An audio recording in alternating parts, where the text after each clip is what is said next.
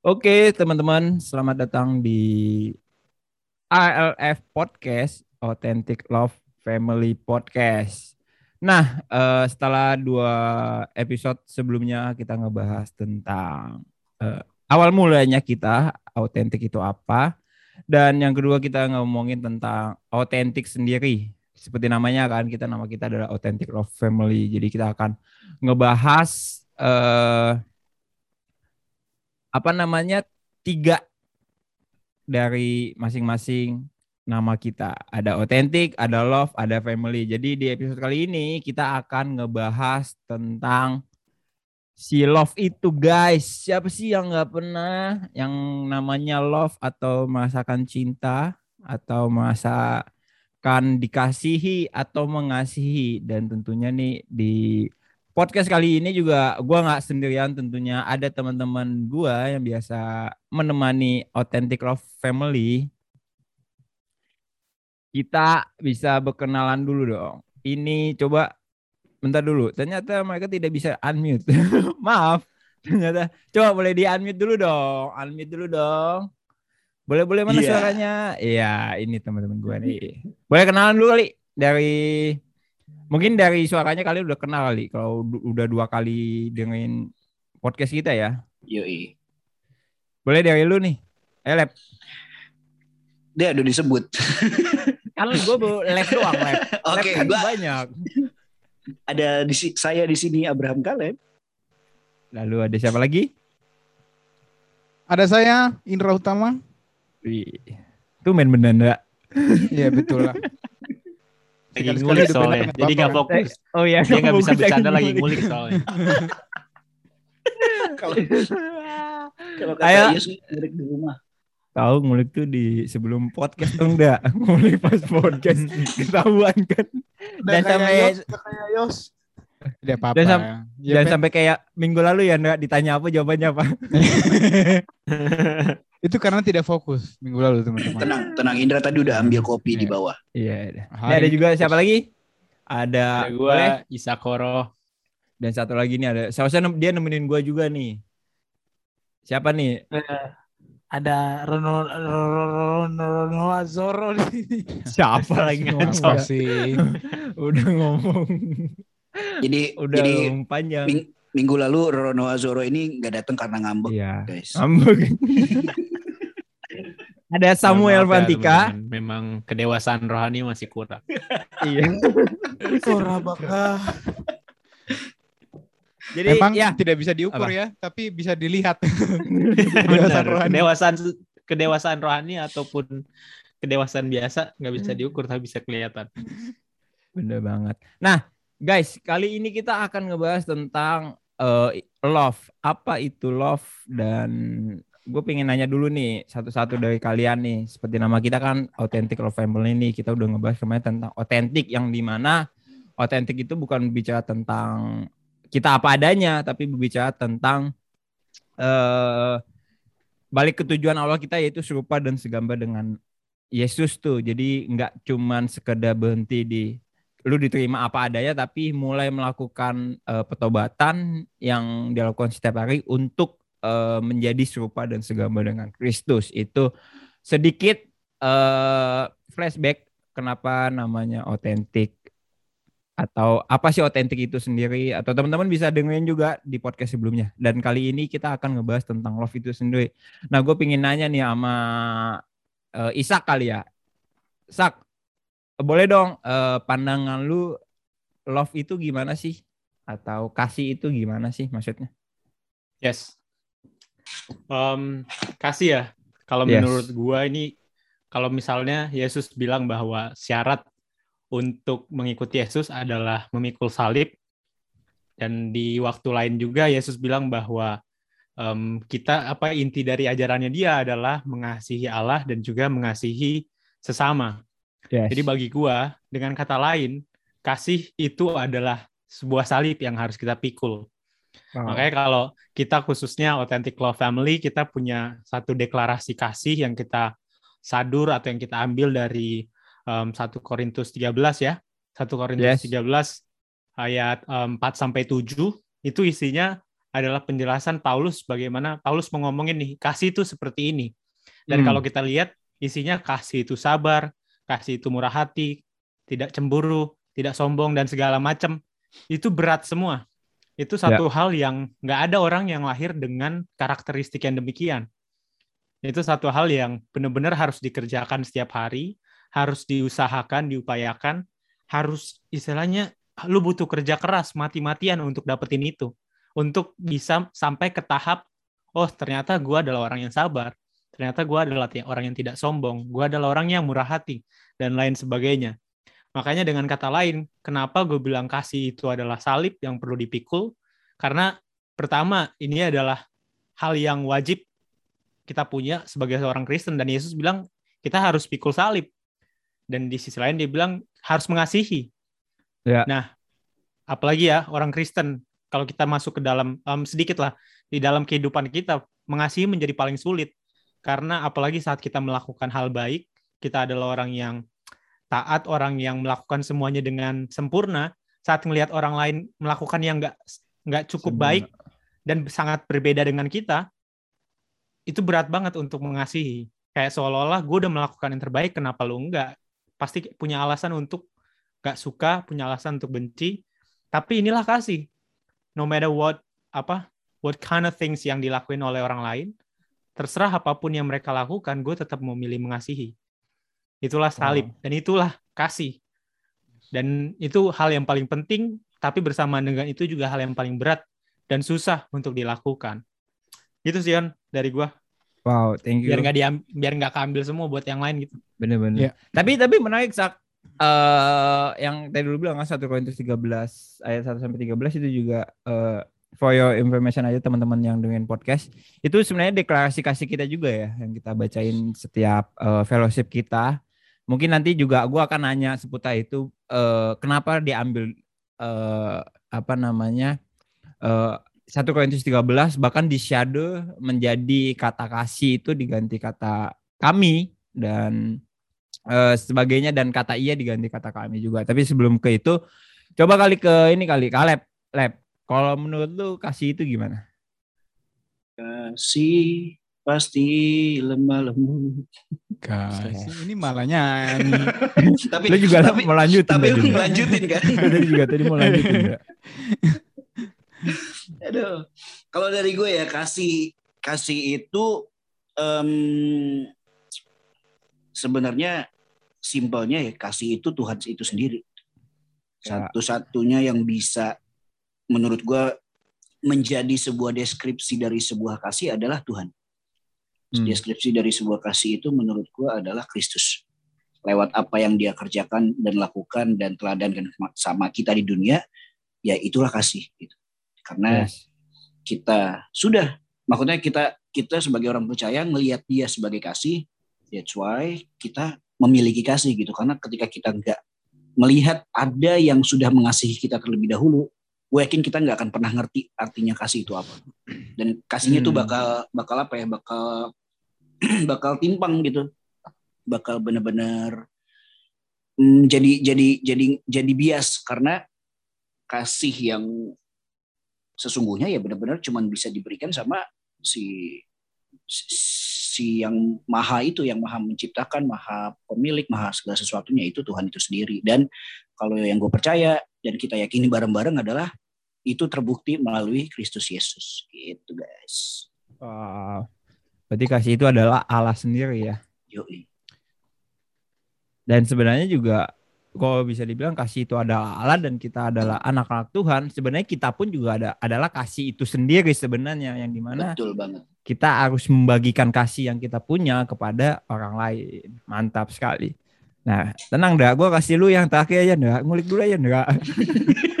Terima kasih. santai santai usah Terima panik, kasih telah memberikan tapi tapi tapi Yon Iya. selalu lupa like mentor like mentee Mentinya Iya, juga nggak lagi ngulik ini. Justru gua kasih mentinya dulu. Untuk itu untuk itu saya berkorban untuk menti saya deh kalau begitu. Oh, Enggak, enggak. Silakan iya. menti ngulik yang terakhir. Gua, gua duluan deh, gak apa-apa. Oke. Rebutan. sekarang sekarang targetnya udah beda nih. Pengen Iya. duluan supaya nggak keambil jawabannya. Iya, tadi udah dikasih. Soalnya, soalnya kalau tiba-tiba keambil harus udah. ngulik lagi. Ayo, ayo. Eh, saya duluan deh. Mentor Tadi mengalah. gua kan mau pasang badan buat mentor gua. Hmm, tapi lu ngeri. Tapi nggak apa-apa lah, ya kan? Namanya kita kan belajar ya kan. Iya. Kita, Ya. kita sama-sama. Ya kalau misalnya Enggak sih, di sini yang nggak kurang belajar. di Kita mau sharing di sini. Sharing nggak belajar. Nggak belajar. Kita kita mau berbagi, mau Kita mau berbagi apa berbagi. yang yang kita Ngulik di, miliki. ngulik di rumah. ngulik di rumah bukan di podcast. Tahu, ngulik di podcast. Mentor Silakan menti. Lanjut. atas izin mentor ya. Ya. Ya kalau menurut kalau menurut gue ya sak eh sakmen eh semuanya lah yang dengar juga. Kas- eh, kalau menurut gue kasih itu ya yang gue pahami kasih itu adalah segala hukum segala hukum yang ada di Alkitab itu bergantung pada kasih gitu. Sedap. Ya lo mau menjadi anak Tuhan, lo harus paham dan harus tahu nih kasih ini. Karena Ya. kalau lu ya kayak Yons bilang, eh, kalau lu di dalam Tuhan, otomatis lu udah menjadi kasih itu gitu. Nah, sebelumnya kita harus paham eh, kenapa sih kita harus apa namanya mengasihi, kenapa sih kita harus eh, menjadi kasih? Ya karena memang gimana ya Alkitab juga udah bilang kan apa kasihilah sesamamu manusia seperti engkau mengasihi dirimu sendiri. Terus ada juga yang Alkitab bilang eh, Awalnya dulu dong kasihlah Tuhan Allahmu. Nah, jangan dipotong dong. Iya. ya, Karena beda konteksnya, jangan dipotong. Konteksnya kan sama. pemahaman. Masih sama-sama Iya. kasih. Kenapa dipotong? Kan dia kan dia ngulik, kan dia nguliknya yang setelahnya bukan yang Oh. sebelumnya. Gak, itu Oh, satu itu- kesatuan. itu ada di website mana tuh? karena itu karena itu Buat benar teman-teman. karena itu bisa masuk jadi pertanyaan loh kasihlah sesamamu seperti eh, engkau mengasihi eh, manusia apa dirimu sendiri Dirimu kan sendiri. Sedangkan Nah, itu tuh- kita nggak bisa mengasihi diri sendiri kalau kita belum mengasihi Nah. Tuhan dengan Yes. sekap sekap Nah, iya. sekap sekap sekap sekap. betul menurut gua itu kasih itu merupakan hukum Allah gitu di mana kita di, berada eh, kita sudah menjadi satu dengan Allah berarti kita harus mengikuti hukum itu karena Alkitab bilang kan eh, kasihilah Tuhan Allahmu dengan segenap hatimu dengan segenap jiwamu dan dengan segenap akal budimu benar nggak ya itulah eh, kalau nggak salah lanjutannya itulah hukum yang Terutama dan utama. utama dan pertu- utama pertama dan utama gitu indra utama, Utama. Utama. utama Utama. Century Indra yang utama. Padahal anak Ya. terakhir. Iya. Nah, hukum yang kedua, kasihilah sesamamu manusia. Nah, artinya kalau menurut gua kasih itu memang hukum yang dari Allah gitu. Ya. Gitu sih, men. Yes. Yes yes yes benar-benar Sesuatu Berarti- yang diberikan. Iya. berarti berarti bisa dibilang itu ya kita nggak mungkin bisa mengasihi orang lain kalau kita nggak mengasihi Tuhan Allah kita dan kita mengasihi diri kita itu Ndra kalau lu Ndra Ya, eh, bicara soal kasih itu sebenarnya rata-rata sudah diambil oleh ketiga teman yang tadi menjelaskan ya teman-teman. Eh, memang Nyatanya kasih, masih sama. Ah, memang Iya. kasih Nyatanya. kasih itu kasih itu- saya tidak dapat bahan yang lain teman-teman jadi maaf. Gak saya. apa-apa. Eh, Gak apa-apa. jadi kasih itu memang eh, sesuatu yang sangat core gitu, sangat inti dalam kehidupan Kristen. Kalau tadi Ishak jelaskan dalam yang 1 Korintus 13 tentang kasih, itu di pasal terakhirnya tuh menarik. Eh, Mm-mm. dalam 1 Korintus 13. Coba saya lihat ya teman-teman. 1 Korintus 13. Saya belum buka Alkitab ternyata. Saya pikir sudah buka. Korintus 13 ayat berapa? Ayatnya yang ke-13. Demikianlah tinggal ketiga hal ini yaitu iman, pengharapan dan kasih. Kasih. Dan yang paling besar di antaranya ialah kasih. Ah, ini Kasih. kan tiga serangkai kehidupan Kristen.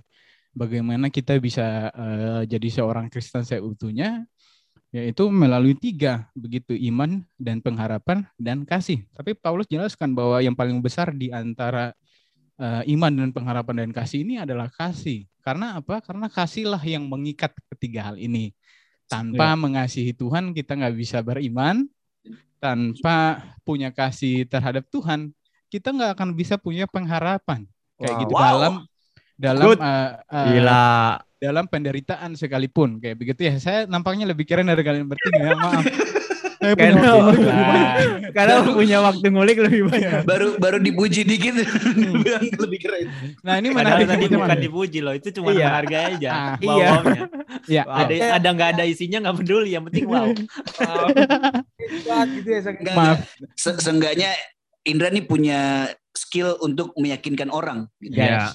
Di Sam ini masih masih belajar nih untuk itu. Saya butuh belajar untuk itu. Tapi dan kal ketika kalian berkata apa? seperti ini, saya tersakiti. Kenapa? Berarti semua yang saya katakan ini bohong. ada kan orang yang bisa berkata kebenaran, tapi dia tidak bisa meyakinkan. Ada juga. Ya. Karena begitu. seenggaknya nah, apa yang Indra bilang tadi itu bisa jadi. Ini... Yes. Coba enggak tadi enggak. Oke, okay, lanjut enggak. lanjut teman-teman jangan apa, dipotong. Enggak. Masih ada lanjutan. Kalau yang ini entah benar atau salah yang jelas meyakinkan aja. Ya. itu itu yang keren dari Indra tuh itu. gue beberapa kali sharing ada Isak, Isak selalu muji gue. Wah, ini gue lihat Indra kuat banyak terbaik kayak gitu karena apa? Gue kuat itu bukan atas kepintaran gua, teman-teman. Ini perlu untuk Ini kenapa jadi afirmasi diri? udah, udah, udah, udah. Gua udah, mengandalkan Roh Kudus. Apa? Udah, udah. Beda. Udah tadi lanjut Mengandalkan Roh Kudus, Roh. Bener sih.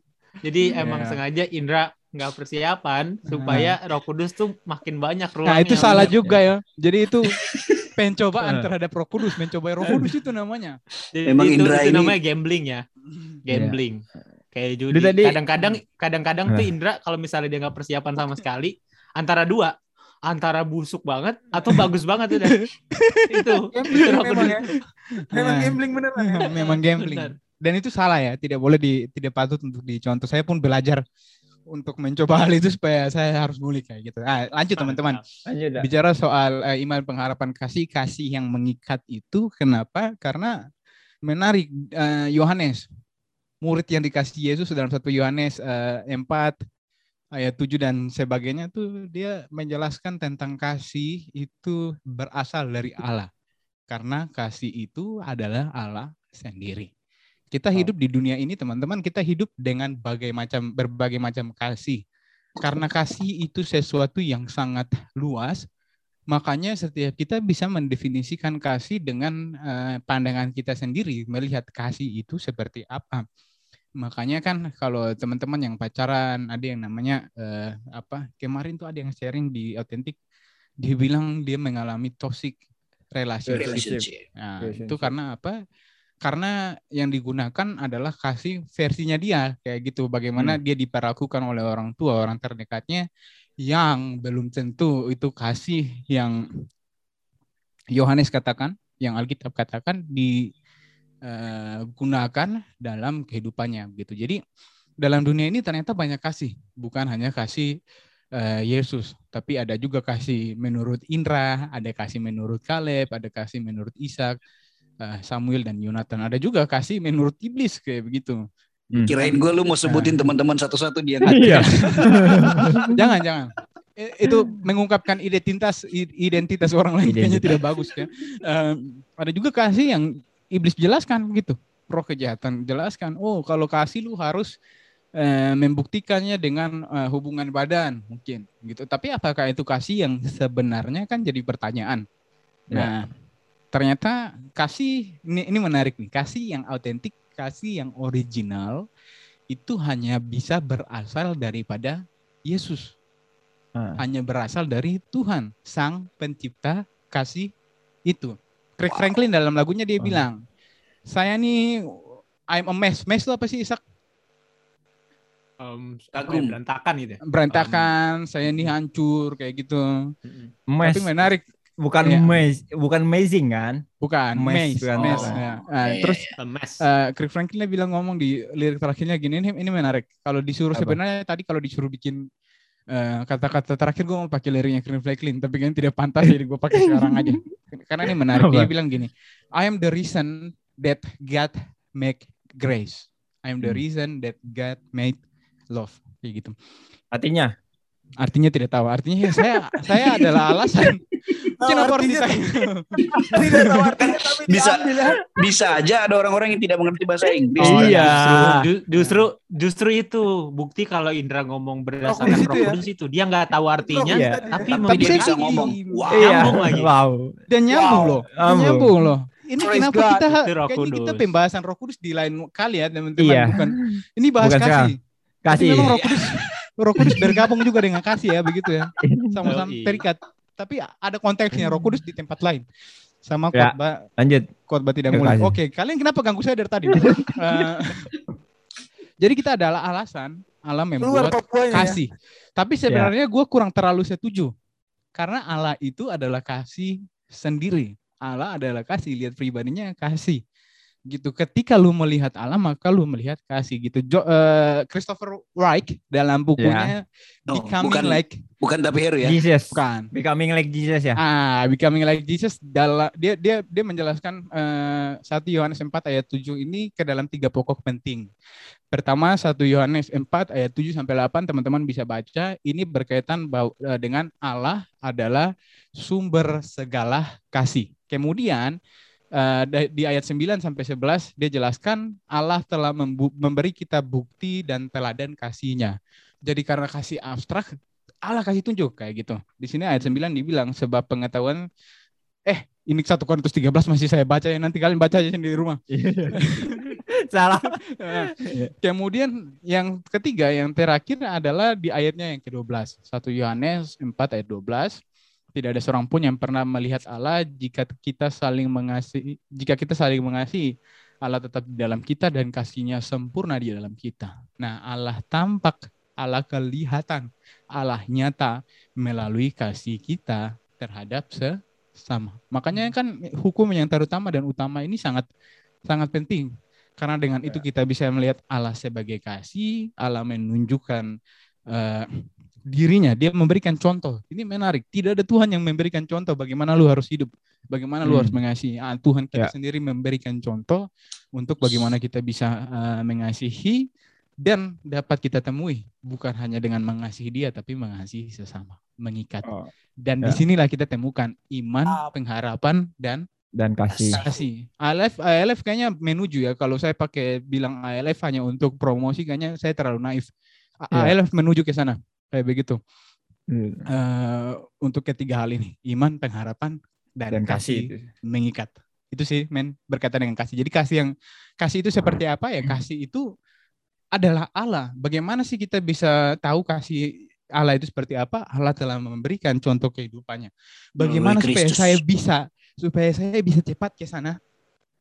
Minggu gue sering kali pakai kata yang gue bilang eh, bilang Tuhan itu baik. Kalau kita bisa belum bisa lihat kebaikan Tuhan, maka kita harus mengasihi sesama untuk melihat Tuhan itu baik dan kita mengasihi Tuhan. Wow. Oh, wih, gokil.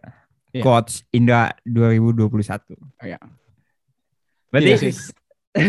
tidak sih. Tapi ada belajar itu nanti ini kan suara.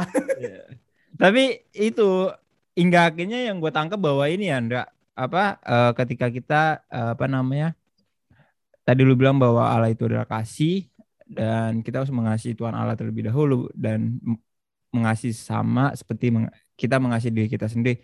Hingga akhirnya gue melihat bahwa sebenarnya ketika kita udah menget- mengetahui atau mengenal kasih itu sendiri, yang di mana kasih itu adalah Allah dan kita adalah kasih, sehingga nggak ada tuh eh, pandangan gimana kita melihat orang lain buruk. Jadi kita melihat bahwa bagaimana kita melihat orang lain yaitu dengan kita menggunakan eh, kacamatanya Tuhan, bagaimana Tuhan Ya. melihat kita. Yes. Begitupun juga dengan cara kita mengasihi orang lain. Ya. Jadi Melihat- Iya berarti melihat seperti Tuhan itu Tuhan melihat, melihat. juga. Dan ini digarisbawahi loh. betul. Seperti yang di awal Ishak ngomong bahwa ini adalah sesuatu yang bukan remeh-temeh, bukan sesuatu Yes. yang mudah untuk dilaksanakan. sulit. Bahkan kita pun juga makanya kalau bisa dibilang di Authentic Love Family itu setiap Jumat kita fellowship itu kita selalu ini kan kita membacakan deklarasi kasih Yes. kita ya yaitu di 1 Korintus 13 ayat 4 sampai sampai 7 yang di mana kita mensyadonya menjadi eh, kata kasih dan kata iya itu kita ganti dengan kata kami itu supaya kita ngomong ke diri kita sendiri kan kayak kita itu adalah kasih, kita eh, kita itu sabar, kita itu hati, kita itu eh apa namanya eh, tidak tidak berbuat apa gue lupa tuh.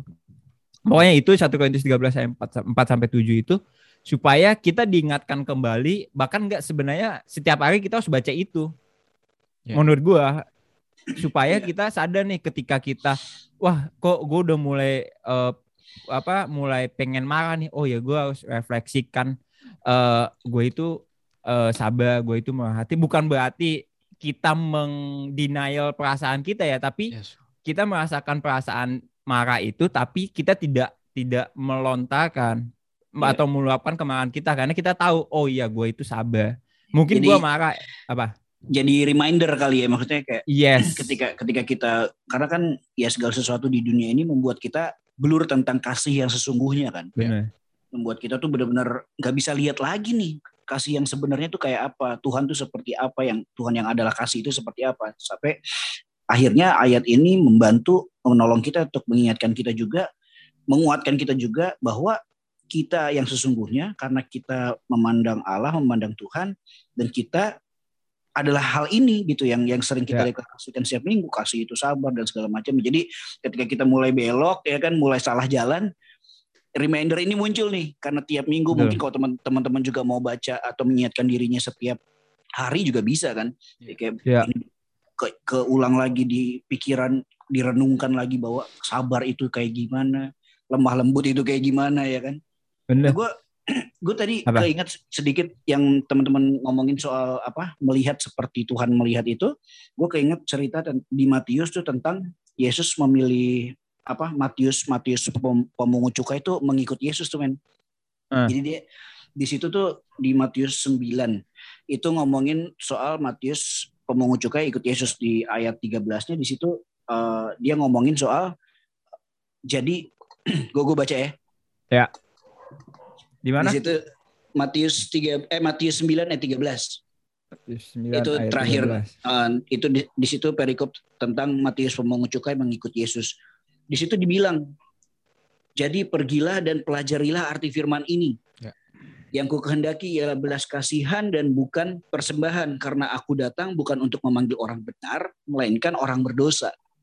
Jadi kayak ini Yesus mau ngasih tahu kita bahwa cara pandang Tuhan tuh kayak gini, cara pandang Yesus tuh kayak gini. Yesus tuh ngelihat orang-orang yang Yesus panggil itu orang-orang berdosa gitu. Jadi kalau lu selalu merasa benar, ya lu lu lu ngerasa ah dikit-dikit ngelihat orang ah, dia kan uh, mulutnya nggak jelas, dia kan berdosa, dia kan ini berarti kan lu menganggap diri lu benar kan? Ya. Dan itu sulit untuk kita bisa diakui sebagai pengikut Kristus gitu loh. Karena orang-orang yang mengikut Kristus adalah orang-orang yang bisa melihat seperti Kristus melihat kayak gini nih pemungut cukai aja yang waktu itu dipandang hina banget dipandang hancur banget berdosa banget Yesus kasih tahu bahwa gue datang buat manggil orang-orang yang berdosa dan kayak ya. kita semua di sini gitu men.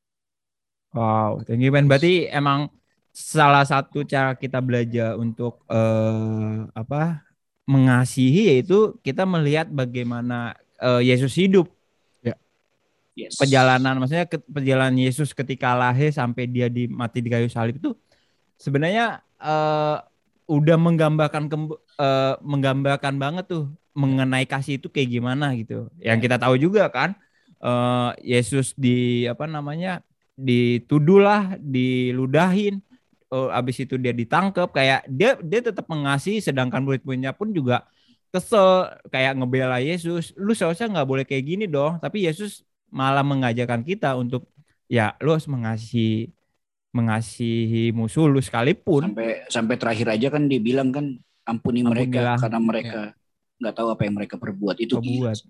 Itu mungkin tambahan ini ya yang di apa? 1 Yohanes 4 1 Yohanes 4 ayat 7 20 ayat 20 hmm, dia bilang kayak gini jikalau seorang berkata aku mengasihi Allah dan ia membenci saudara-saudaranya maka ia adalah pendusta. Karena barang siapa tidak mengasihi saudaranya yang kelihatan yang dilihatnya tidak mungkin mengasihi Allah yang tidak ya.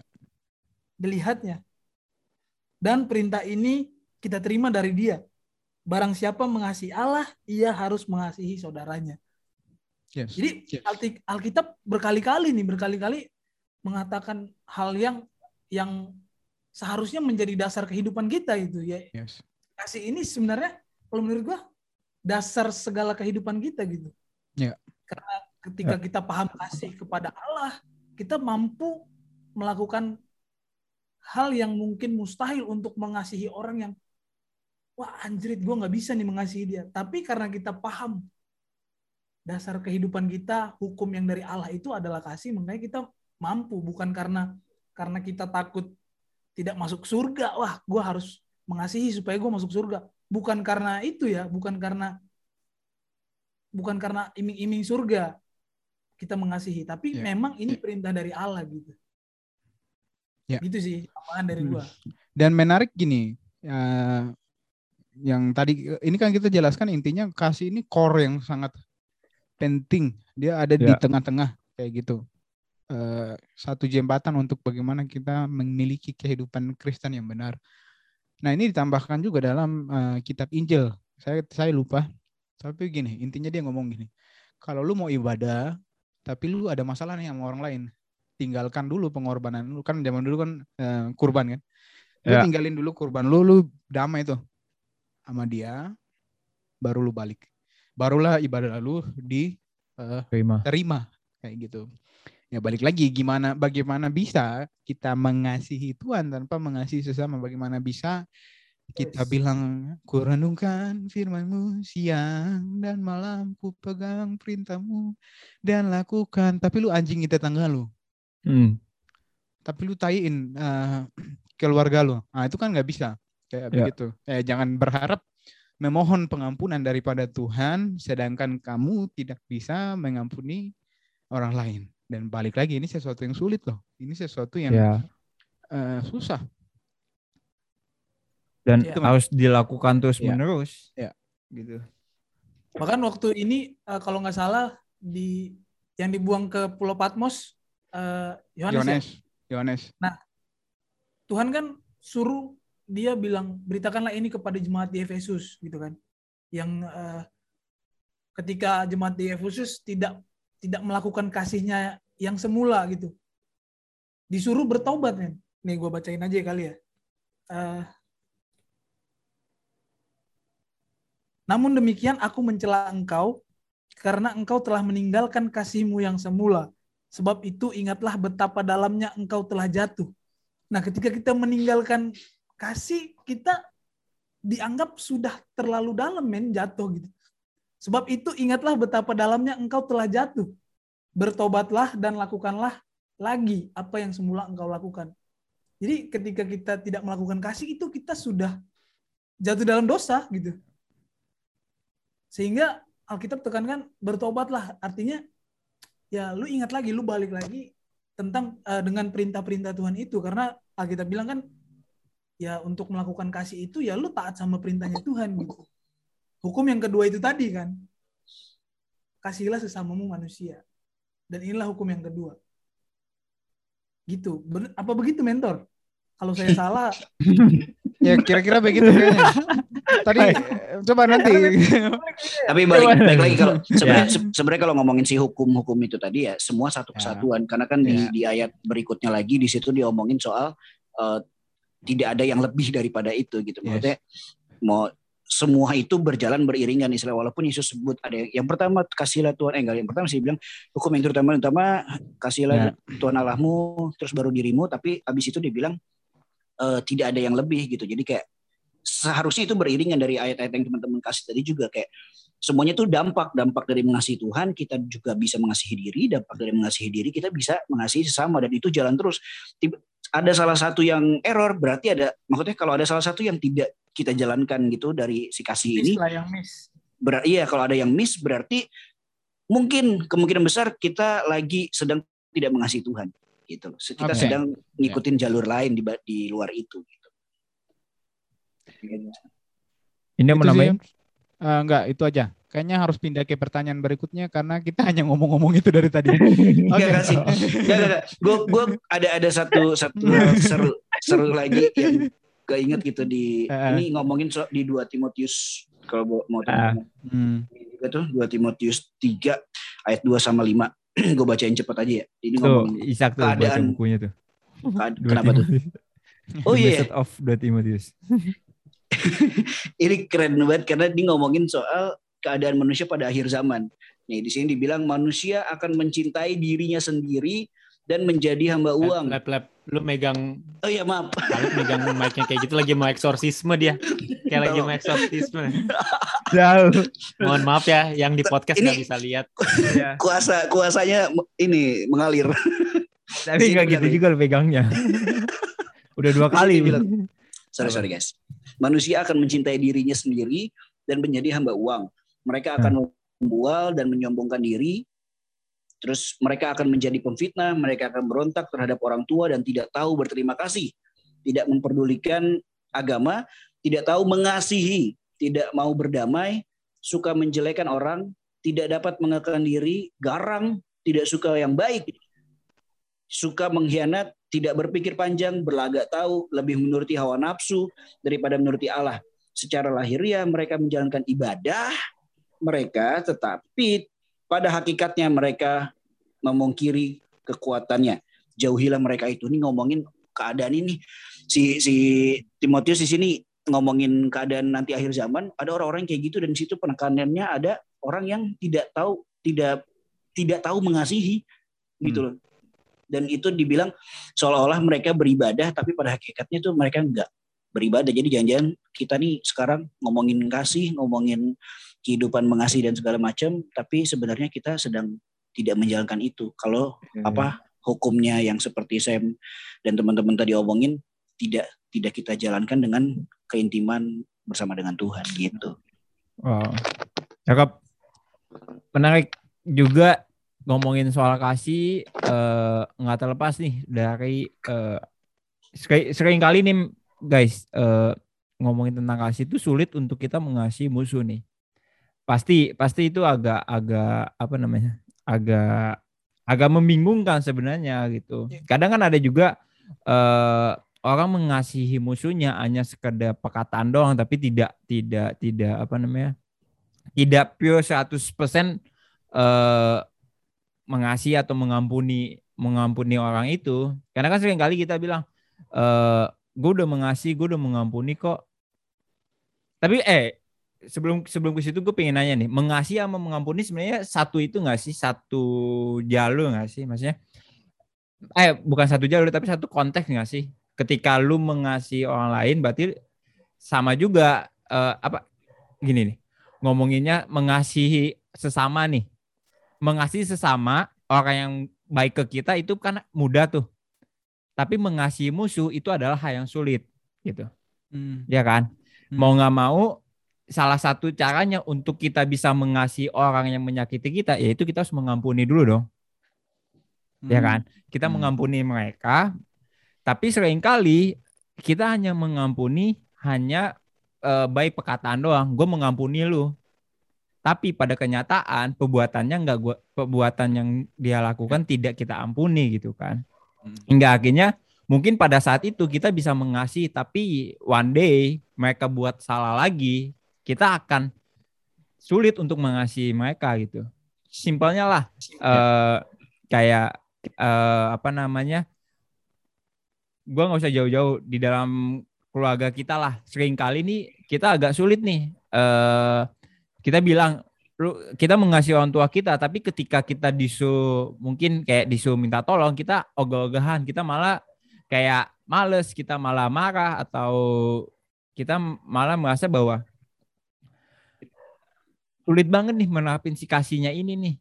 Padahal ruang lingkupnya lebih kecil yaitu keluarga gitu. Atau mungkin karena perbuatan bokap kita yang mungkin kita sering dipukulin waktu kita masih kecil akhirnya kan membu- membuat sebuah kebencian yang tertanam di dalam diri kita. Gue benci nih sama eh apa namanya si kok ada suara gue ya? Ada apa kita benci sama orang tua kita hingga akhirnya sulit nih untuk mengasihi musuh kita. Nah kalau dari pandangan kalian gimana sih caranya supaya kita bisa eh mungkin kalau by Bible kita tahulah ya lu harus mengasihi Tuhan terlebih dahulu baru lu bisa mengasihi mengasihi sesama tapi gimana lu kalian pernah nggak sih ngalamin hal yang sama juga bagaimana cara kalian mengasihi musuh kalian bukan maksud gue bukan ngomongin tentang apa yang Alkitab tulis ya, tapi lebih ke pengalaman kalian mungkin. Atau tuh. mau Ishak mau itu? Pernah nggak Gue kayak lu lagi Gue mau apa? izin. Apa? Enggak ada yang canda. Oh lu mau izin. Ada nggak? Pernah nggak? Ishak? canda, canda. Oh lu Um, mengas cara mengasihi yes. musuh nih. Yes. Ini sih Yons, apa namanya? Gue sih ngelihatnya ini jadi satu dilema, satu masalah yang kebanyakan orang Kristen punya karena apa namanya ya? em, degradasi makna yang ada di dalam kata kasih itu sendiri. Ya. Kita cenderung.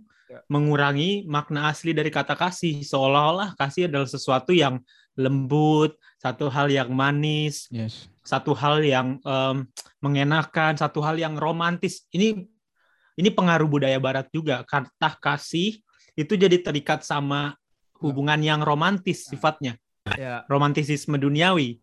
Padahal kata kasih itu saat kita lihat dengan kata kacamata em, Kristen, itulah kematian Kristus itu kasih Ya. itu. Hmm. Salib itu kasih tuh. Nah, Ya. itu kasih yang kayak gitu. Makanya kenapa kita jadi susah mengampuni karena kita pikir kasih adalah oh gue seneng sama orang. Ya. Gue menikmati kehadiran seseorang. Gue em, sukacita dekat dengan seseorang itu adalah namanya kasih padahal enggak. Makanya kalau gue boleh kalau gue istilahnya tukang apa namanya? Kalau gue kerja di apa yang bikin KBBI kali ya, gue bakal ubah kata kasih dengan cara dengan dengan arti mengampuni terus-menerus karena Ya. em, kehidupan kita gini ya. Kita mengasihi faktanya manusia pasti penuh dengan em, apa namanya kesalahan. Manusia faktanya pasti penuh dengan em, apa ya? kekurangan. Kalau dalam bahasa Kristennya penuh dengan dosa. Makanya saat kita mengasihi seseorang itu harusnya adalah act of forgiveness. Wow. Ka- apa namanya? aksi mengampuni Aksi. Harusnya terus menerus bahkan saat kayak setiap kasih setiap kali gue mengasihi Indra dengan kata lain gue sedang menerima kekurangannya Mm. dengan kata lain gue lagi mau Ya. kesampingkan kekurangannya Ya. dan gue mau lihat hal baik apa yang Tuhan lagi mau kerjakan buat dia Dan nyatanya tidak makanya ada. tadi lu itu Ternyata itu makanya susah tuh makanya makanya kalau misalnya nggak ada tuh bahkan jadi kita punya alasan lebih banyak untuk mengasihi Yes. Iya. karena kasih adalah aksi untuk ngulik kebaikan seseorang Ya. Iya. kita That's mau right. ngulik kebaikan orang Wow. terus menerus. Kalau Ya. tadi Sion sempat bahas tentang em, ayat di mana Yesus bilang kita harus mengasihi musuh. Kalau di Lukas ya, di Lukas 6 kalau teman-teman baca nih yang lagi nonton podcast di Lukas 6 setelah pas Yesus lagi ngomongin disuruh mengasihi musuh, teman-teman bisa lihat di ayat di pasal 5 kalau nggak salah. Di situ dibilang bahwa Yesus saat dia lagi ngajar, saat dia lagi ada di satu tempat, dia menyembuhkan orang di hari Sabat. Hmm. Terus tiba dia seperti biasa ada em, Farisi, orang-orang Ya. petinggi-petinggi agama yang kritik-kritik gitulah. Terus kemudian setelah ada kayak gitu, Yesus ngomong secara em, private kepada murid-murid Yesus. Jadi saat dia ngomong kasihilah musuhnya, itu ditujukan kepada murid-muridnya. Hmm. Dan kalau kita Hmm. adalah murid-murid Yesus, kita juga harus melakukan yang sama. Dan konteksnya, Yesus lagi mau ngomong gini. Ini memang kalau misal di Matius ya, ayat untuk mengasihi musuhmu itu ditujukan secara apa ya, terang-terangan kepada ahli-ahli Taurat. Ya.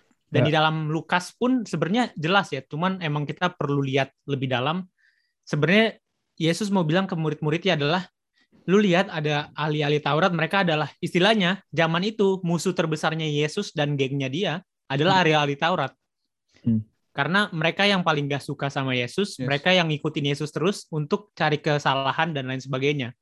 Ya. Lu bayangin kalau Yesus ini kebetulan ini baru-baru beberapa lama setelah Yesus memanggil murid-muridnya ya. Jadi baru banget gengnya Yesus terbentuk. Ini salah satu ajaran yang di awal-awal Yesus ajarin. Ya. Woi, kasihilah musuhmu. Lu bayangin kalau Yesus nggak ngomong ini di awal, mungkin baru setahun jalan gengnya udah bubar. Iya. Pasti kumpulannya Yesus sudah bubar setahun karena mereka udah kesel, udah be- berontak. Udah Ya. bubar kalau nggak mereka udah mati sebelum Yesus naik ke surga. Mereka udah pada mati karena mereka nggak bisa mengasihi ahli-ahli Taurat. Akhirnya mereka ditemukan kesalahan dan mereka akhirnya bisa dihukum mati karena kan kerjaannya ahli Taurat begitu ya sama Farisi cari kesalahan em, Yesus dan juga murid-muridnya. Tapi kenapa Udah. mereka berhasil sedangkan sampai semua visi dan misi Allah terlaksanakan di dalam kehidupan mereka di dalam apa namanya Hmm. di dunia ini karena pengajaran ini benar-benar diterapkan. Hmm. Mereka mengasihi musuh. Mereka ya dalam hal ini farisi-farisi itu dan dia dan apa namanya Yesus di ayat pasal 6 juga dia bilang gini. um, dan bagi gua ini adalah inti dari kata uh, mengasihi musuh. Dia bilang gini ke murid-muridnya, bagaimana bisa seorang buta menuntun orang buta? Maksudnya apa nih? Gimana bisa orang buta nuntun orang buta? Dia mau ngomong ke murid-muridnya. Di kalau emang di dalam terjemahan bahasa Indonesia kita jadi terkotak-kotak dan terbatas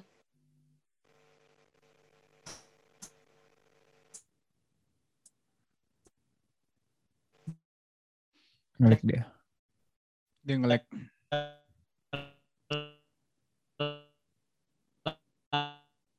Hei, Sak. Sak. membaca karena satu kan kalau halo halo Tadi sempat keputus. Kepotong tadi. Nge-freeze. Kepotong. sampai mana tadi Sampai yang ini yang Sampai di mana tadi? Dia bilang ke murid Terbatas, terbatas. Baga- bagaimana bisa? Iya. ya Ah, yes di di dalam oh gue matiin kamera deh Ya. di dalam Ya. terjemahan Indonesia jadi terbatas karena kita mikir oh yang perikop bagian awal mengasihi bagian bawah menghakimi jadi kita pisahin tuh Hmm. padahal kan Ya. setiap perikop di dalam Alkitab tulisannya semuanya nyatu sebenarnya ini sebuah percakapan apalagi gospel atau Injil ya ini narasi Ya. Ya. yang jadi dalam sebuah bentuk cerita yang runut nah dalam hal ini jadi mau yang mau disampaikan Yesus apa sih bagaimana bisa seorang buta menuntun orang buta? Ya. apa yang mau dia sampaikan? Dalam mengasihi musuh yang di menjadi fokus utamanya bukan diri kita. Bukan Hmm. untuk kepentingan kita teman-teman. Ya. tapi untuk orang yang kita kasihi itu. Bagaimana bisa orang buta menuntun orang buta? Gimana bisa kita orang kalau yang nggak mengasihi musuh menuntun mereka Ya. gimana bisa kita menuntun orang-orang yang terhilang kalau kita juga terhilang karena kita nggak bisa mengasihi mereka apa adanya makanya ini jadi pengajaran yang penting karena Yesus mau ajarin kasihi mereka apa adanya karena mereka adalah orang-orang yang bakalan jadi apa ya kayak target pelayanan lu ke depannya dia Ya. bilang gitu ke murid-murid Yesus makanya kita juga orang-orang Kristen yang percaya dan yakin kalau kita adalah anak-anak Tuhan kita adalah murid-murid Kristus mau nggak jadi apa namanya mau nggak ngambil kesempatan ini untuk membuat diri kita nggak buta dengan cara mengasihi siapa pun itu supaya orang-orang yang terhilang itu orang-orang yang buta itu bisa Yes. kembali ke jalannya Tuhan. Ya. Makanya it's never Oh. about ourselves. Mengasihi bukan tentang diri kita. Mengasihi bukan tentang apa yang kita bisa dapetin, bukan hal baik apa yang em, bisa gua rasakan setelah gua mengasihi, tetapi apa yang bisa kita berikan kepada orang yang kita kasihi. Itu kuncinya mengasihi. Yes. Itu. Amin. Eh, gue tambahin ya, Yons. Eh, Tambahin dong. eh, jadi hari itu Petrus juga bertanya lah. Ka- eh, kalau gua nggak salah itu dekat-dekat peristiwa-peristiwa itu. Dia tanya gini, Tuhan gimana sih eh, mengampuni orang tuh harus berapa kali gitu? Dan Tuhan bilang eh, 70 kali 7. Eh, 7 kali 70 ya kalau nggak salah. Nanti cari aja deh. Nah, tradisi Yahudi itu hanya ngomong sampai empat kali. Tapi kalau tujuh ini bukan lebih banyak ya. Tapi ini Hmm. maksudnya tujuh ini angka untuk anugerah kalau gua nggak salah. Maafkan gua kalau salah. Dan selain itu tujuh kali tujuh puluh atau tujuh puluh kali tujuh ya. Saya, saya lupa. Itu berarti kan lebih. tidak ada batasnya. 70 ka- eh 7 kali eh 70 kali 7 kali. Ah, ah, 70 kali 7. Nah, kita tidak usah menggunakan tafsiran angka deh kayak gitu ya. Saya, Ah. saya tidak ahli dalam tafsiran alegori seperti itu. Eh, tapi eh, bagaimana ini kan Tuhan bermaksud untuk berarti pengampunan ini terjadi untuk selamanya. Tidak ada kata tidak mengampuni. Apa yang tadi eh, Ishak jelaskan itu sudah sangat jelas sekali. Gitu. Tidak berhenti ya berarti ya. Ya tidak berhenti karena apa? Ke- Kenapa tidak berhenti Tuhan bilang gini? Ini yang tadi Ishak jelaskan. Eh, ini bicara soal begini. uh, kasih yang original, kasih yang Ya. autentik, kasih Tuhan yang kita lihat ini itu sifat dasarnya pengampunan. Kasih yang Hmm. adalah abstrak tidak dapat eh, tidak dapat kita lihat banyak jenisnya. Memang bisa kita rasakan, tapi bukti utama dari eh, kasih adalah pengampunan gitu. Tanpa cinta kasih yang sejati, maka tidak ada pengampunan. Hmm. Seringkali kita mengatakan, aku mengasihi engkau Tuhan dengan segenap hatiku. Sampai kurenungkan firmanmu siang dan malam, sangkin aku mengasihi engkau. Tetapi ini bukan sejati. Karena apa? Karena saya masih benci sama orang yang tatuan. Ketika dia datang ke gereja kita tolak. Ya. Ini ini ini sering banget, sering banget eh, di gereja gua kalau doa malam gitu maaf ya. Kalau ada yang tersinggung, tapi ini realita. Eh, sering kali kita berdoa tumpang tangan ke kursi-kursi yang kosong Hmm. agar Tuhan datangkan jiwa-jiwa yang terhilang. Tapi kalau yang datang dia mabok nih, bau nih, bau Hmm. minuman datang dia gini nih, mukanya gini, mukanya gini datang ke gereja, kira-kira lu bisa terima nggak? Kan dia terhilang. Ya. Gimana mukanya Indra kan yang di podcast nggak bisa denger, nggak bisa tahu. Nah, ya muka mabok lah, kalian tahu nggak? Iya. Kalau enggak ya Nggak udah lah. pergi pergi ke bar. Muka-muka Jangan- mabok lah, ya. Jangan jangan hanya di gereja gitu. Nah, Karena mudah mengasihi sesama orang di gereja, tapi bisakah kamu mengasihi orang di bar? Bisakah kamu Ah, mengasihi orang yang eh, pajak-pajak uang lu tuh preman-preman lu bisa mengasihi nggak? Kayak gitu. Hmm. Buktinya kan gue gue dipajak preman, gue maki-maki preman anjing itu preman. Kayak gitu kan. Tapi Tuhan gitu nggak gitu loh.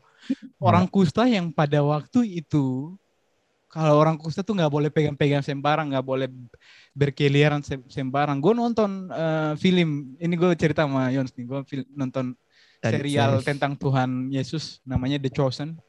Gitu, jadi dia visualisasikan eh, keadaan pada saat itu menarik. Seorang kusta itu dia datang, kan tradisi Yahudi orang kusta nggak boleh dekat-dekat. Apalagi Yesus ini eh, walaupun tidak resmi ya, tapi kan Ya. banyak pengikutnya yang mengklaim dia sebagai rabi, guru, orang kudus. Orang yang tidak boleh kena barang-barang najis seperti itu dan Yesus datang loh. Yesus pegang. Hmm. Begitu kan kasih. Kasih seperti itu. Jadi tidak ada kasih tanpa pengorbanan. Tidak ada kasih tanpa pengampunan karena pengampunan adalah berkorban. Iya Hmm. deh, gua salah meskipun gua nggak salah loh. Tapi daripada kita bentrok, ya udah gua salah, gue minta ampun sama lu. Kan kan enak kalau orang bersalah kayak gua, gua gua minta ampun eh dia minta ampun ke gua enak kan? Ya. Ya kan? Tapi coba orang bersalah kayak lu, tapi lu yang mau minta ampun ke dia. Bisa nggak lu? Cuma cuma kan kadang-kadang ego kita tuh bikin ini loh, Indra. Ketika Iya. kita pengen ngelakuin itu ya. Kalau Tuhan mungkin wah kita nggak tahu tuh. Tapi Iya. kita sebagai manusia, menurut lu gimana tuh harus menghancurkan egonya untuk kayak gitu? Nah, memang harus hancurkan gitu. Tidak ada cara lain bro. Tidak ada cara lain untuk apa ya? Gue dalam beberapa kali gue dapat di posisi ini bukan berarti gue lebih hebat dari teman-teman yang lain ya. Ada masalah yang kayak begini gue tantang juga ya. Ayo aku pukul Ya. aja kayak gitu. Nggak ada tuh yang Mam. namanya Iya. Tapi ada beberapa saat tuh kayak gitu bro. Di mana saatnya gue sebenarnya duh gue pengen tonjok banget nih orang. Dia salah. Tapi dia bilang gue salah gue minta maaf minta maaf. Berhari-hari dia bilang ya udah berkelahi aja. Rumah lu di mana? Gue datangin lu. Iya. gitu kan. Terakhir gue bilang ya udah gue minta ampun ya. Gue minta maaf. Oh tuh di hati gue kayak kayak gue mengingkari darah Batak dan Papua gue gue mengingkari jati diri gue sebagai orang yang nggak boleh mengalah. Ya udah gue minta ampun. Tapi dia ngomong apa? Ya udah. Nah gitu kan enak lu minta ampun. Kan lu yang salah. Tapi gue nggak ada Iya. salah sama sekali nah itu satu apa ya satu keberanian untuk meninggalkan jati diri. Itu tuh sampai di situ tuh poinnya di situ. Bukan meninggalkan harta. Hmm. jadi kan pengorbanan kan seperti itu. Oke anak muda kaya datang ke Tuhan dia bilang ah, gue mau apa? Ikut Tuhan. Kayak gitu. Gue udah lakuin hukum Taurat. Apalagi Tuhan biar biar gue bisa masuk eh, kerajaan surga. Tinggalkan. nah Tuhan bilang lu Eh, jual harta, jual lah. Lu jual segala. Ini bukan hanya Hmm. soal jadi miskin ya. Ini soal Iya. apa harga diri gue nih gue ini orang kaya nih. tiba-tiba ikut Yesus. Yang tadi saya bilang Isa kita sempat cerita jati diri Yesus. Eh, tidak sekeren apa yang digambarkan oleh muka-muka barat gitu orang ganteng gitu. Enggak enggak enggak, enggak sekeren itu. Gue pernah baca penelitian juga sak. Kayaknya tidak tahu ya gue salah atau enggak. Jadi tukang kayu pada saat itu tuh bukan yang keren bukan kayak mebel zaman sekarang mereka tuh Hmm. dibilang Kayak Pak Jokowi gitu. Iya, mereka dibilang tuh kaum teknon, kalau nggak salah ya. Nah, itu terhina. Karena zaman itu udah mengenal eh, perbatuan, perbesian. Masih ada tukang kayu. Iya. Kan kayak gitu. Berarti mengikuti Yesus, siap mati, pikul salib, ini harga diri. Bukan hanya soal jual harta. Siap. Bukan. Siap turun harga diri di mata Iya. dunia gitu ya. Iya, dan pengampunan, mengampuni yang adalah part of kasih, itu adalah berkorban. Dan ini adalah lu hilangin harga diri lu. Lu jadi Iya. kesetnya Tuhan. Lu jadi, ya kayak begitu sih. Berarti emang salah satu caranya ya kita harus menghancurkan ego kita. Nah, bukan hanya ego ya, harga diri lu Ya. diturunin. Agak Nah, diri kalau- juga kan. Kalau ego kayaknya masih lebih mudah ya daripada harga diri nih. Kayak gitu. Di mana sih harga diri lu? Seorang seorang Jonathan kayak gitu. Apa Lep? Karena gue gue gue ngelihat ngelihat ego ini bisa kita apa ya bisa kita re- rendahkan, bisa kita turunin kalau kita melihat eh po- kayak tadi Indra dan teman-teman bahas kan soal pengorbanan Tuhan ya kan. Ya. Gue gue bisa gue bisa ngelihat apa ya gini loh Tuhan tuh memberikan cinta, memberikan kasihnya dia itu bukan sekedar pakai perasaan. Hmm. Tapi kalau mungkin lo inget juga Yon waktu itu eh, Pastor Chris Manusama pernah bahas sama kita tuh. Dia ngomongin soal tuh apa soal covenant bahwa cintanya Tuhan itu bukan berdasarkan perasaan tapi perjanjian. Yes. ya kan? Nah dalam perjanjian ini ada ego yang mesti diatur nih. Hmm. gue keinget tuh. Ya. jadi dalam perjanjian ini ada jadi kita namanya kayak kita juga menerima Kristus kita terikat dalam perjanjian darahnya gitu loh kita menyatu dengan darah Kristus apalagi buat kita orang-orang Kristen yang perjamuan kudus setiap bulan atau bahkan ada yang setiap hari berarti kan kita mengakui namanya perjamuan kudus kita merelakan diri kita untuk bersatu dengan darah dan tubuh Kristus kan Ya. gitu loh. Nah, dengan menyatunya itu berarti kita punya sistem perjanjian nih. Mungkin yang tidak tertulis tapi perjanjian itu adalah di dalam dasar kasih ini gitu. Jadi Hmm. kayak ketika kita mau menurunkan ego kita sebenarnya nggak perlu maksudnya tidak perlu berusaha keras tapi kita perlu mengingat bahwa oh iya ya sudah ada yang lebih dulu mengasihi gue dengan menghancurkan egonya berarti tidak sebegitu susahnya untuk gue juga bisa menurunkan ego gue Ya. dengan mengingat pengorbanan Kristus saat itu. Dan memang kita kelihatannya seperti seorang yang goblok kayak gitu ya. Misalnya, eh, di mana sih lu eh, mengampuni orang yang bersalah kepada lu? Dan ini sesuatu yang maksudnya sepertinya tidak adil kayak gitu. Hmm. Tapi eh, perlu dilihat bahwa kasih Yesus ini adalah kasih yang mengatasi kekerasan tanpa harus kekerasan. Ya. Dan itu pasti kelihatan kalah, dan itu pasti kelihatan terhina, dan itu pasti kelihatan tidak ada harga dirinya. Nah, itu Iya. yang harus di poin di apa di di, di, di titik beratkan di situ Titik kayak gitu. Tapi di manakah keadilan se- sebuah kasih Kristus yang seperti itu? Bagaimana kita eh, gigi gigi kita putus gara-gara satu orang? Kita baku pukul, eh baku pukul kita dipukul orang. Ya. Kalau baku pukul berarti tidak mengasihi ya teman-teman. Saling pukul Iya dong. Saling pukul kita dong. ditonjok orang, gigi kita patah, kita Patah. mau tonjok mau tonjok dia lagi biar giginya patah. Itu kan gitu. Jangan. hukumnya. Harus cium. Tapi kasih tidak begitu. Kasih tidak begitu. Yes. Ki- Kita kayak, kayak mengalah. Ini yang ini yang orang-orang bilang mengalah untuk menang. Tapi dalam kasih sekalipun tidak menang ya tidak apa-apa. Yang penting gue mengasihi. Gitu. Di mana keadilan ini nih? Seorang Irawan Budi Lukmono dalam bukunya Hmm. Agent of Peace menjadi pembawa Eh. damai seperti Ya. teladan Kristus dia bilang gini nih.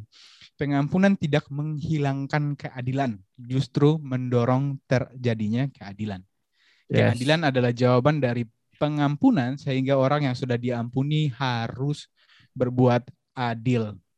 Antara pengampunan dan keadilan bukanlah sebuah realitas yang berseberangan, Hmm. tetapi dua dimensi dari satu realitas yang sama-sama memuncak pada cinta kasih. Ingat peristiwa dalam Alkitab ketika seorang pelacur dibawa Ya. untuk dirajam batu, terus Tuhan Yesus dia tulis nggak tahu tulis apa, terus dia bilang gini, Siapa? siapa, di antara lu pada yang nggak berdosa boleh lempar? Dia gitu kan. Ini kan Ternyata Yesus lempar ya, Andre.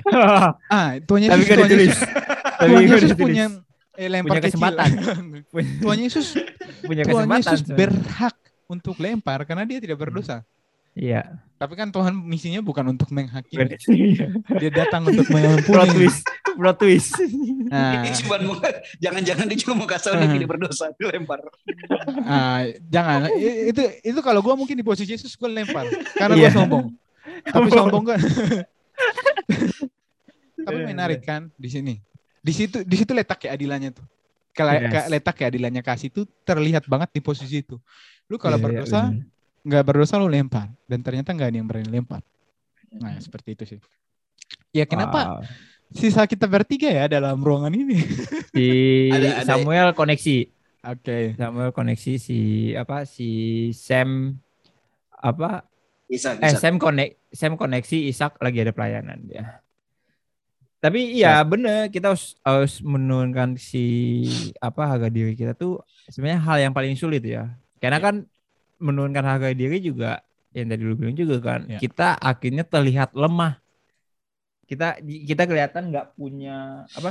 Kita nggak punya power nih, kita nggak punya kuasa yang sebenarnya eh kita tuh sebenarnya bisa nih, tapi Yes. gue nggak gue nggak bisa lakuin karena gue tahu iya kan kayak apa eh, ayat yang sering banget Indra nyatakan bahwa dalam kelemahanku apa Indra? Kuasa Tuhan kuasa sempurna. Tuhan sempurna Ya, sedap. Jadi kayak sebenarnya dengan kita apa ya menurunkan menurunkan harga diri, menurunkan ego, menurunkan segala sesuatu demi terjadinya perdamaian gitu.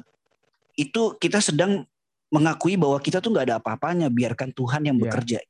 Ya, Biarkan ya. Tuhan yang membuat kuasa Tuhan tuh jadi sempurna lewat apa? Penyerahan diri kita. Tapi kayak tadi kalau kalau dibilang apa namanya eh, mengalah untuk menang, sebenarnya mungkin menurut gue lebih tepatnya mengalah karena sudah menang. Ya, Gitu ya.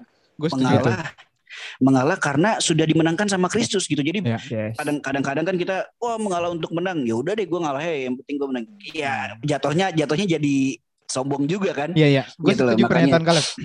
Jadi lebih lebih baik kita mem- berusaha menyadarkan diri kita bahwa kita mengalah karena sudah dimenangkan sama Kristus. Ya. Dan menangnya di sini nih tidak kelihatan di iya dalam uh, maksudnya gitu betul. di dalam dalam hal duniawi nggak kelihatan lah Iya, kelihatan nggak ada kamu masih Hmm. kayak tai aja kayak begitu. tapi tapi yang kelihatan yaitu yang kalau menurut gue kelihatannya itu akan terjadi di dalam diri kita ada Ya. suatu proses yang baru atau pemunian baru di dalam hati kita ketika Yes. kita bisa apa namanya mengasihi orang atau yang tadi dibilang kan bahwa eh, mengalah karena kita sudah dimenangkan itu ya kelihatannya dari dari kebiasaan kita sehari-hari Ya. itu itu akan kelihatannya di situ tapi bukan berdasarkan apa kayak perlombaan lah lu menang ada medali. Bukan bukan kayak gitu kan. Iya. Yes. nih men ada pertanyaan nih. Eh, bukti kalau kita sudah mengampuni itu bagaimana ya? Karena kadang mengampuni dan melupakan itu sampai beda tipis. Thank you katanya. Ya ahli hubungan Kaleb silakan. coba kalian mengampuni Ya. mengampuni dan melupakan Heeh. jadi uh, bukti dari kita mengampuni sebenarnya bukti konkret tuh nggak nggak ada ya bukti konkret nggak Ya. ada tapi kayak Ya. uh, satu hal yang perlu kita sadari adalah terus memandang Tuhan sehingga apa yang kita lakukan seperti apa yang Kristus lakukan kan Ya. jadi meng- sebenarnya mengampuni itu menurut gua itu adalah efek dari kita Hmm. cinta sama Tuhan gitu loh. Jadi ketika kita udah mulai bisa dibentak sama orang lain padahal kita nggak salah, terus kita bisa eh men, apa menahan ego, menahan emosi, bisa meme- bukan menahan mungkin tepatnya, memanage. Mungkin kita bisa mengatur emosi kita dengan baik sehingga mengarahkan segala sesuatu yang kepada Tuhan dan itulah salah satu apa ya eh pengingat kita bahwa kita wah kita sudah bisa mengampuni gitu. Ya. Kalau melupakan itu kita cuman sekedar ah udahlah lupain aja ntar juga biasa lagi, ntar juga santai lagi. Nah, tapi mengampuni ini ada proses. Mengampuni ini ada perjalanan, ada jerninya. Dengan kita bergumul sama Tuhan, bergumul sama firman, bergumul sama eh, perenungan kita dalam sehari-hari gitu. Wah Tuhan, gue tahu orang ini nyebelin banget, mungkin mama papa gue nyebelin banget, mungkin saudara-saudara gue atau teman-teman sekitar gue terus-terusan ngebully gue, tapi gue tahu Tuhan, Tuhan udah lebih dulu mengampuni gue dan gue akan bisa mengampuni mereka, kayak gitu loh. Dan Hmm. da- dalam ber- apa seiring berjalannya waktu kita bisa punya perasaan lega yang ber- berdasarkan dari hubungan kita sama Tuhan dan itu udah pasti itulah itulah istilahnya eh gue nggak bisa bilang bukti ya karena menurut gue bukti itu relatif banget sih kadang-kadang Ya. bisa Ya. Kayak ini Yes. gitu Mungkin Oh, Gimana, Nambah, Indra? ada mau nambahin? Ah, Imamat 19 ayat 17 sampai 18. Janganlah curang lu ya gile nyuruh gue duluan supaya lu bisa ngulik lu ya Gue cari ayat Tanda, Alkitab. tanda. Tapi kan Boleh. yang berhubungan lebih ahli lah daripada kita yang jomblo kan Yons begitu. Bener. Iyalah, karena Karena sulit memang tuh. mengampuni ini kan lebih jelas dalam satu hubungan yang intim. Ya, tapi kan Hmm. kita berhubungan ah, sama orang tua berhubungan sama teman berhubungan Ya, sama orang tua kan kita baik-baik aja kan Yons. Iyo, i. Oke, Imamat 19 ayat 17 sampai 18. Janganlah engkau membenci saudaramu di dalam hatimu, tetapi engkau harus berterus terang menegur orang sesamamu dan janganlah engkau mendatangkan dosa kepada dirimu karena dia. Janganlah engkau menuntut balas dan janganlah menaruh dendam terhadap orang-orang sebangsamu, melainkan kasihilah sesamamu manusia seperti dirimu sendiri. Akulah eh, Tuhan. Yeremia 17 ayat 9 sampai 10. Betapa liciknya hati, lebih licik daripada segala sesuatu. Hmm. Hatinya sudah membatu. Siapakah yang dapat mengetahuinya? Aku, Ya. Tuhan yang menyelidiki hati, yang menguji batin untuk memberi belas balasan kepada setiap orang setimpal dengan tingkah langkahnya, setimpal dengan hasil perbuatannya. Memang eh, kadang-kadang kita merasa telah mengampuni, kadang-kadang ya Ya. kayak gitu. Tapi kan kita ini sebagai orang percaya diberikan roh yang bisa menegur apakah kita salah atau kita tidak kayak gitu. Apakah saya sudah benar-benar mengasihi dia? Sebenarnya kamu tahu, cuman kamu denial aja sama hal itu. Hmm. Iya Ya. kan? Ah, gue Iya, iya. lupain. Eh, gue rasa itu kita tahu sih kayak gitu. Jadi untuk pertanyaan itu ya selidikilah hatimu kayak begitu. Bagaimana kamu bisa me- bagaimana ya? Eh, dalam Mazmur itu pem- pemazmur menarik dia ngomong gini, ajarlah kami Tuhan menghitung hari-hari agar kami beroleh hati yang bijaksana. Masalah hati ini masalah yang susah. Orang dunia pun juga kalau masalah hati bisa stres, bisa potong-potong tangan, bisa banting-banting kepala di dinding kayak Ya. gitu. Ah, begitu juga dengan orang Kristen. Begitu. Ada banyak orang Kristen juga potong-potong tangan ya. Bertobat kalian. Enggak, itu de- depresi. Bukan kan? potong tangan. Ya, Silet, lah silet. ke- Potong tangan mah udah potong dong. Oh ya. Silet, Maaf, silet maaf. tangan. Putus Memang ini sesuatu yang susah ya. Saya tidak Iya. menganggapkan tidak beranggapan bahwa depresi dan lain sebagainya itu hal yang mudah Iya. untuk diatasi gitu. Tapi memang eh, kita sebagai manusia kita diberikan dalam pandangan Kristen diberikan eh, Roh Kudus untuk melihat diri kita ini Yes. seperti apa. Dan Tuhan bilang pemazmur pun katakan setiap harinya kayak gitu. Apakah kita benar-benar mengampuni atau kita kita hanya melupakan itu terlihat kalau gue ya secara jelas Yes. ketika kalian bertemu dengan dia. Apakah kalian jadi oh ya atau kalian bisa sambut dia dengan penuh gairah dalam arti arti gairah mengasihi kayak gitu itu beda Yes. loh. Benar, itu pun benar. kelihatan gitu. Ada orang yang saling membenci tetap dalam satu komunitas yang sama cuek-cuekan. ya Dia minuman jadi. Nah, tapi ada orang yang akhirnya sama-sama mengampuni dan itu harus clear. Yes. Makanya dalam pengampunan itu bukan hanya dalam hati, guys. Begitu kan? Kalau bisa gue Pikiran dan Setuju. tindakan. ada ada namanya rekon, rekonsilia- rekonsiliasi Rekonsiliasi. setelah pengampunan. Kayak gitu.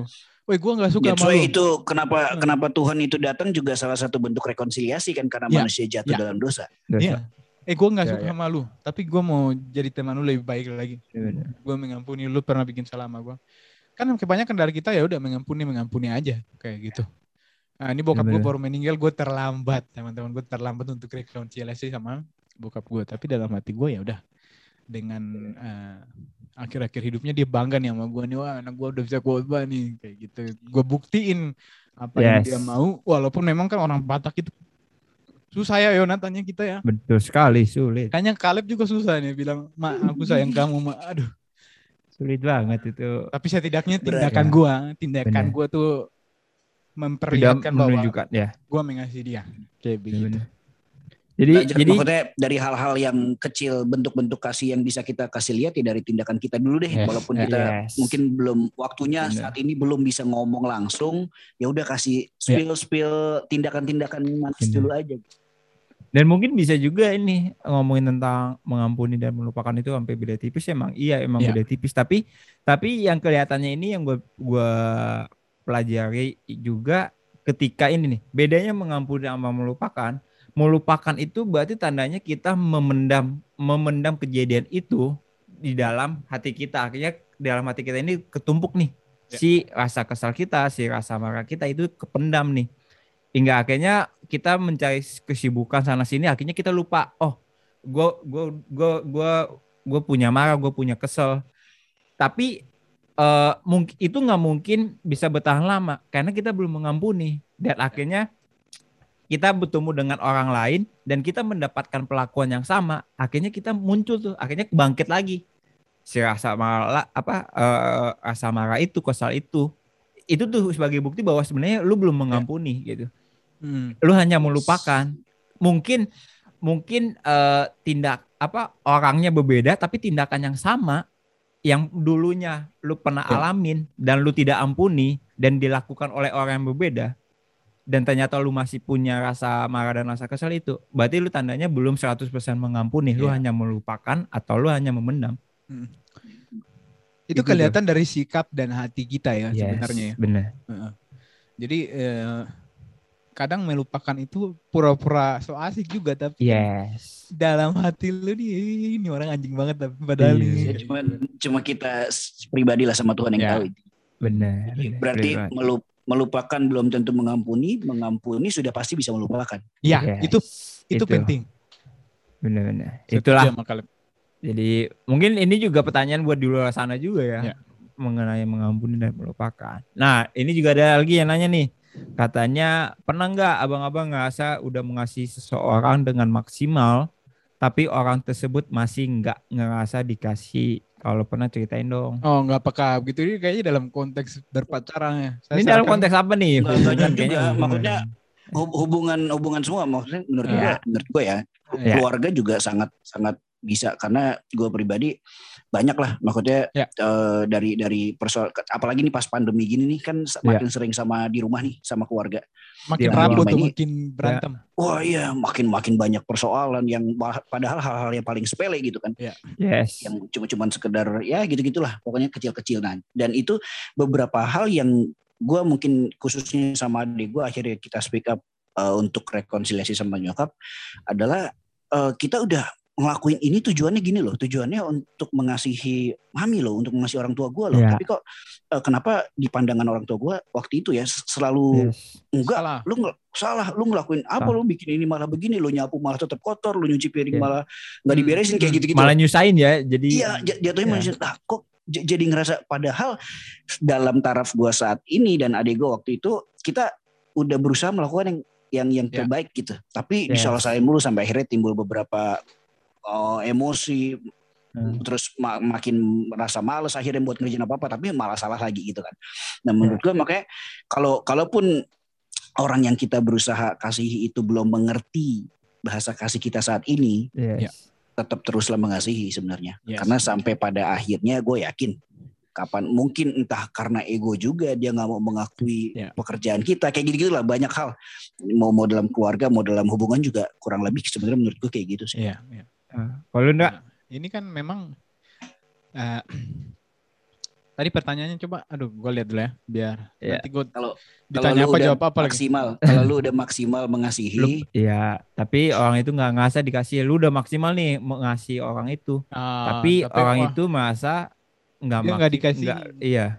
Ya miskom aja sih kayak gitu kan bahasa kasih eh, tidak bisa dijelaskan dengan Yes. begitu apa ya begitu clear kayak gitu ya apalagi Hmm. dalam keluarga ya gue Hmm. sebagai anak terakhir setiap kayak macam gue mau cerita dengan kasih itu gue dengan kasih bukan kasih ini ya kasih maksudnya kasih ya cerita berkaitan dengan kasih itu pernah nggak teman-teman? Kayaknya Yos juga pernah kayak mau, mau cerita mau ungkapkan perasaan yang sesungguhnya Ya. dalam kehidupan dalam keluarga tuh lu tahan mata lu berkaca-kaca, Iya. ya kan? Lu lu nggak bisa lu nggak bisa dengan tegar seperti sekiranya lu ngomong dengan mantan lu kayak dengan tegar lu ngomong nggak bisa kayak gitu. Nah ini ini bahasa kasih yang eh, kurang jelas. Makanya kan penting eh, perbuatan yang selalu eh, kita lakukan gitu. Tapi begini, ini ini Pastor Kristo beberapa tahun lalu dia dia ngomong gini, kita nggak bisa berusaha untuk membuat kita terlihat mengasihi semua orang Hmm. kayak gitu. Karena kita bukan coklat. Coklat aja ada yang su- nggak suka, apalagi kita Ya. gitu. Nah, terus gimana dong gitu ya? Balik lagi, Tuhan Yesus mengasihi kita nggak butuh bukti kayak gitu. Nggak Yes. butuh nggak butuh bukan bukti, nggak butuh pengakuan kayak gitu. Nah, siapa kita yang mau diakui? Jangan-jangan kita kurang perhatian nih dari keluarga kita. Jangan-jangan kita kurang Hmm, perhatian nih dari ya dan itu memang masalah yang terjadi dalam eh, kehidupan kita gitu.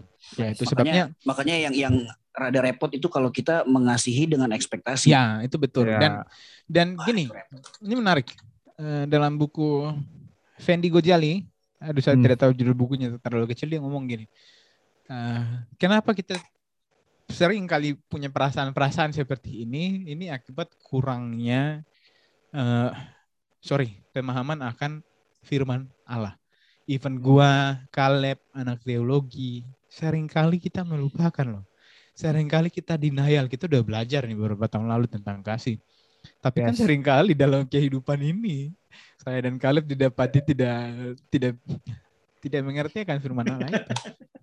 Ya gitu. Jadi ah, begitu makanya balik lagi yang gue jelaskan. Kaleb jelaskan. Pemasmur bilang, selidiki aku, lihat hatiku, meneliti kita setiap hari. Agar apa? Bijaksana. Kebijaksanaan ini kan bukan hanya soal keren-keren gitu. me- Memutuskan siapa yang Hmm. salah seperti Salomo. Tidak. Dalam kehidupan berkeluarga, dalam kehidupan berpacaran, berteman, dan lain sebagainya kita bisa bijak gitu. Kita Yes. akhirnya bisa eh, bahkan ya gitu sekalipun eh, tidak ada pengakuan bahwa gue mengasihi dia dia tetap menganggap bahwa gue tidak mengasihi dia ya it's okay yang penting kan gue udah do the best buat Yes. mengasihi Oke, Jadi dalam, tujuan- dalam apa? Dalam mengasihi itu menurut gua kalaupun kita harus punya ekspektasi, ekspektasi paling tepat dalam mengasihi adalah pengenalan akan Tuhan itu sendiri. Ya. Karena Ya. di luar itu pasti kita tersakiti. Benar-benar. Jadi tujuan mengasihi itu bukan supaya apa kita kita dipandang bahwa ya apa namanya wah emang jadi itu tujuan apa kita mengasihi orang lain itu jangan ada tujuan tapi emang tuh udah tugas kita untuk kita emang mengasihi Yes. Mu- Yes. atau atau mungkin mereka nggak merasa dikasih sebenarnya kalau yang pandangan gua itu bukan tugas kita untuk kita mikirin ya oh dia dia dia dia ngerasa dia nggak dikasih ini tapi setidaknya kita udah melakukan eh, do the best itu dan kita Ya. mengasihi maksimal kita that's it Ya. itulah yang seharusnya kita ya lakukan Ka- dan Ayub nih ini menarik ya, eh, apa Yons dan Kaleb Apa? Ayub 5 ayat 2 Sesungguhnya orang bodoh dibunuh, dibunuh oleh sakit hati dan orang bebal dimatikan oleh iri hati. Yes. Dan ini penyakit Oh. manusia. Ini penyakit manusia loh. Ngeri. Yes. Jadi Jadi ya itu jangan sampai kita dibunuh. Oleh sakit hati dan dimatikan oleh iri hati. Nice. Ih, sedap. Ayub 2021 enggak lah dia udah Udah nggak ada. Udah nggak ada Jauh dong. banget. tahu lu Jauh dari sebelum Tuhan Yesus ada tuh dia udah ada. Jadi itulah sebenarnya ya eh, untuk mengasihi seorang- Karena ya tadi eh, kalau kita belajar dari kisah Kaleb, Kaleb udah mencoba untuk melakukan, tapi eh, kenyataannya apa nyokapnya merasa bahwa lu belum maksimal Ya. gitu. Karena karena kalau yang gue pelajari juga kalau ukurannya manusia nggak akan ada Iya. habisnya. Ya. mm. Dan apakah dengan per- pernyataan nyokapnya Kaleb begitu, apakah nyokapnya Kaleb tidak mengasihi Kaleb? Oh. Iya. Puluhan tahun Nggak- lalu nggak dia- juga. Iya. Iya, dia pelihara Kaleb Iya. sampai sekarang. Iya benar. Walaupun Kaleb kurang ajar tetap dipelihara loh mamanya. Gitu ya gue juga. gue juga Bener bener. Dipelihara ya, dipelihara ya. Iya dan Oh iya dong. Iya. Iya dong. Maksudnya tetap di dikasih sebagai anak. Anak. Tidak ada tuh yang kamu keluar dari kartu keluarga karena kamu gagal cuci piring. Kan tidak ada, Bro. Padahal tuh ngeselin. Bro. Padahal tuh ngeselin kayaknya. Serius. Apalagi kita anak-anak Iya, cowok ya yang tidak tahu Iya. Iya, karena-. Karena bahasa kasih setiap orang kan beda-beda. Ya. Balik lagi kayak Yes. Yons kemarin bilang kan sesuai latar belakang, sesuai pengalaman hidup itu Yes. bahasa kasih bisa berubah atau bisa ber, apa berbentuk ter- maksudnya terbentuk dengan pribadi masing-masing gitu loh. Yes. Jadi kayak Bener. mungkin gue dengan pengalaman gue saat ini menunjukkan bahasa kasih gue sampai segini, Ya. Tap- Ya. s- apa sampai satu titik gitu. Tapi nyokap gue dengan sebuah se- segala perjalanan hidupnya, segala pengalaman hidupnya sampai sekarang itu segala persoalan yang dialamin, bahasa kasih yang memenuhi dia tuh bukan titik yang gue pakai sekarang, tapi di titik yang Yes. lain gitu. Dan nggak bisa gue untuk nyampe ke sana karena gue juga nggak mengalami itu kan. Makanya kita perlu ya udah saling pengertian dan Iya. terus mengenal apa eh, ekspektasi dalam mengenal dalam mengasihi ya benar-benar baik lagi gue semakin mengasihi sesama gue berarti gue semakin kenal siapa Tuhan gue. Tidak perlu butuh afirmasi ya dari orang lain untuk Iya. mengatakan bahwa oh lu mengasihi gue. Ya kayak Yesus pun juga eh, apa namanya berapa kali pun juga ya udah dia tetap aja dia mau yang sebenarnya dia seharusnya bilang gila lu lu sebenarnya hidup lu masih bisa hidup aja lu seharusnya bersyukur tapi ya Tuhan pun juga tidak tidak memaksakan untuk lu harus bilang dong gua kasih gua kasih. Cuman ya itu by itu apa namanya eh, aksi yang aksi kita aja setiap hari. By accident. bukan accident. By action ya. ini dia dia nggak minta pujian tersendiri. Yes Iya. betul. Oke mungkin kita eh terakhir deh. Eh satu kalimat deh. Eh atau satu kal nggak nggak satu kalimat deh. Closing Mungkin- statement. Ah, ya closing statement buat di luar sana mungkin yang masih bergumul dalam hal mengasihi nih men Ya. Da- ap- boleh deh dari Sam dulu kali Sam Apa tuh? ya itu closing Iya, yang statement. ngomong kalau Iya. apa tuh Mungkin mungkin yang di luar sana mungkin kayaknya masih sulit untuk mengasihi, masih sulit untuk mengampuni dan berbagai macam. Untuk orang-orang yang untuk kalian yang mendengarkan ini buat kalian semua yang masih merasa sulit untuk mengampuni, mungkin merasa sulit untuk mengasihi sesama, ya gue cuma mau ingetin ya sebelum lu mengasihi semua orang, sebelum lu mau mengampuni orang, lu harus mengasihi diri lu dulu. Lu harus mengampuni diri lu dulu akan dosa-dosa masa lalu mungkin. Ya, sebelum itu semua lu maksudnya lu lakukan kepada orang banyak. Terlebih lu lakukan dulu kepada diri lu sendiri, mengasihi diri sendiri, mengampuni diri sendiri. Itu sih. Thank you. Indah, Gua kasih closing statement dari buku. Ini menarik. yes. Kasih Tuhan tidak akan pudar hanya karena engkau berdosa. Namun kejatuhanmu kepada dosa telah membatasi sentuhan kasih Tuhan kepadamu. Sebab sejak dahulu Tuhan senantiasa menyayangi engkau dengan cara yang sama, baik engkau sedang berdosa atau tidak sekalipun. Buku apa tuh? Di buku Pen- pengenalan kasih Allah. Ini penulisnya Oh. siapa ya? Aro ya? Oke, mantap. Kaleb. Closing Gua- statement. Em, mungkin ya gue berani bilang ya hanya kekristenan yang berani menyatakan Tuhannya adalah kasih bukan Hmm. sekedar maha kuasa karena kalau maha kuasa itu butuh perkataan kalau mau lu punya kuasa lu butuh perintah ini ini ini ini, ini. tapi kasih itu bukan sekedar, butuh sekedar perkataan melainkan pembuktian Wow. so belajarlah berjuang terus belajar melihat diri kita sendiri sebagai orang yang berdosa yang diberikan kasih karunia karena di luar itu kita nggak akan pernah bisa melihat orang lain juga dikasihi cuman kita doang ntar kita Wow. gitu guys Thank you. Kalau dari gua closing statement gua tentang mengasihi buat teman-teman di luar sana yang mungkin saat ini lagi sulit untuk mengasihi, mengampuni, uh, ingat bahwa Tuhan aja mengasihi kita ketika kita jauh dari Dia, ketika kita masih berbuat dosa, Tuhan tetap tetap uh, mengasihi kita. Bahkan sekalipun kita yang mungkin labil, yang kadang bisa on fire, kadang bisa enggak on fire, tapi Tuhan tetap mengasihi kita karena yes.